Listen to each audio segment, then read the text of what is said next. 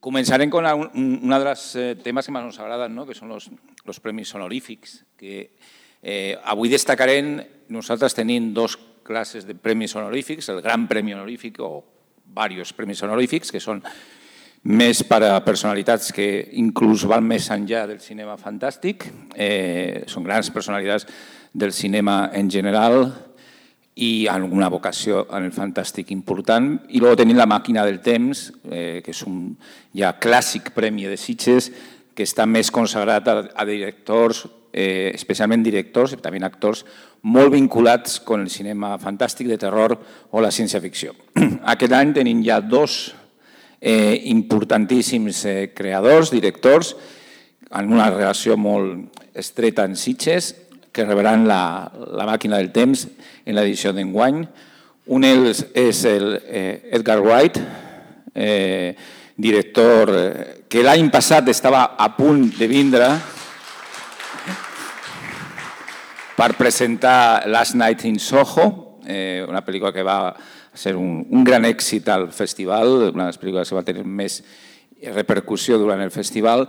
i ell no va poder vindre, també tenia un documental de Spark Brothers en la programació. Ell té una relació pues, estreta, el festival va presentar el Hot Fast fa anys en persona i rebrà pues, una merescuda eh, màquina del temps per la seva reinterpretació del cinema fantàstic en clau moltes vegades eh, de comèdia, com la, la denominada trilogia del Corneto, eh, i en, també en indagació de noves, nous espais del fantàstic i del, i del terror i la ciència-ficció, com pot ser el cas de la Last Night in Soho, i sobretot una pel·lícula que, que aquest any està molt vinculada al leitmotiv que tenim, que és Scott Pilgrim versus The Wall, eh, probablement una de les millors interpretacions de l'estètica i la narrativa del videojoc aplicada a qualsevol altre tema, en aquest cas una comèdia d'adolescents eh, típica eh, d'una manera molt intel·ligent. I a més de l'Edgar Wright tenim també una altra màquina del temps, també creiem, creiem molt merescuda, a un director que ha sigut eh, eh, molt important per a fer un trasbàs de la sèrie B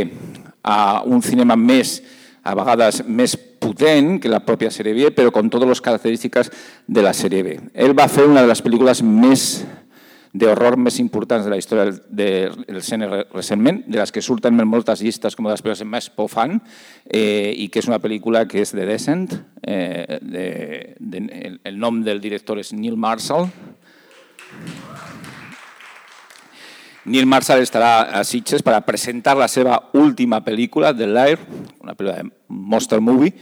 eh, molt en l'estil del, del, del Marshall, una sèrie B molt potent, i un director que ha fet pues, des d'aquell Dog Soldiers tan mític que va, va ser presentat a Sitges al moltíssim d'èxit fins a pel·lícules més enllà, de, més enllà del de Descents, pel·lícules com Doomsday, com Centurion, com moltes que han marcat un, un estil i una forma d'entendre de, de el fantàstic molt personal dintre de lo que és la sèrie B tradicional i potentada per una presència de, de tècnica i de, de valors de producció potent. Ney Marshall, Màquina del temps, eh, d'enguany al Festival de Sitges. M'he oblidat de mencionar dintre de la formografia del Ney Marshall una pel·lícula que crec d'obligada reivindicació, que és el Hellboy en su versió íntegra, si plau, que és una pel·lícula que està molt maltractada i que és una excel·lent versió del còmic del Mignola i que és una, per mi una, una pel·lícula a reivindicar urgentment.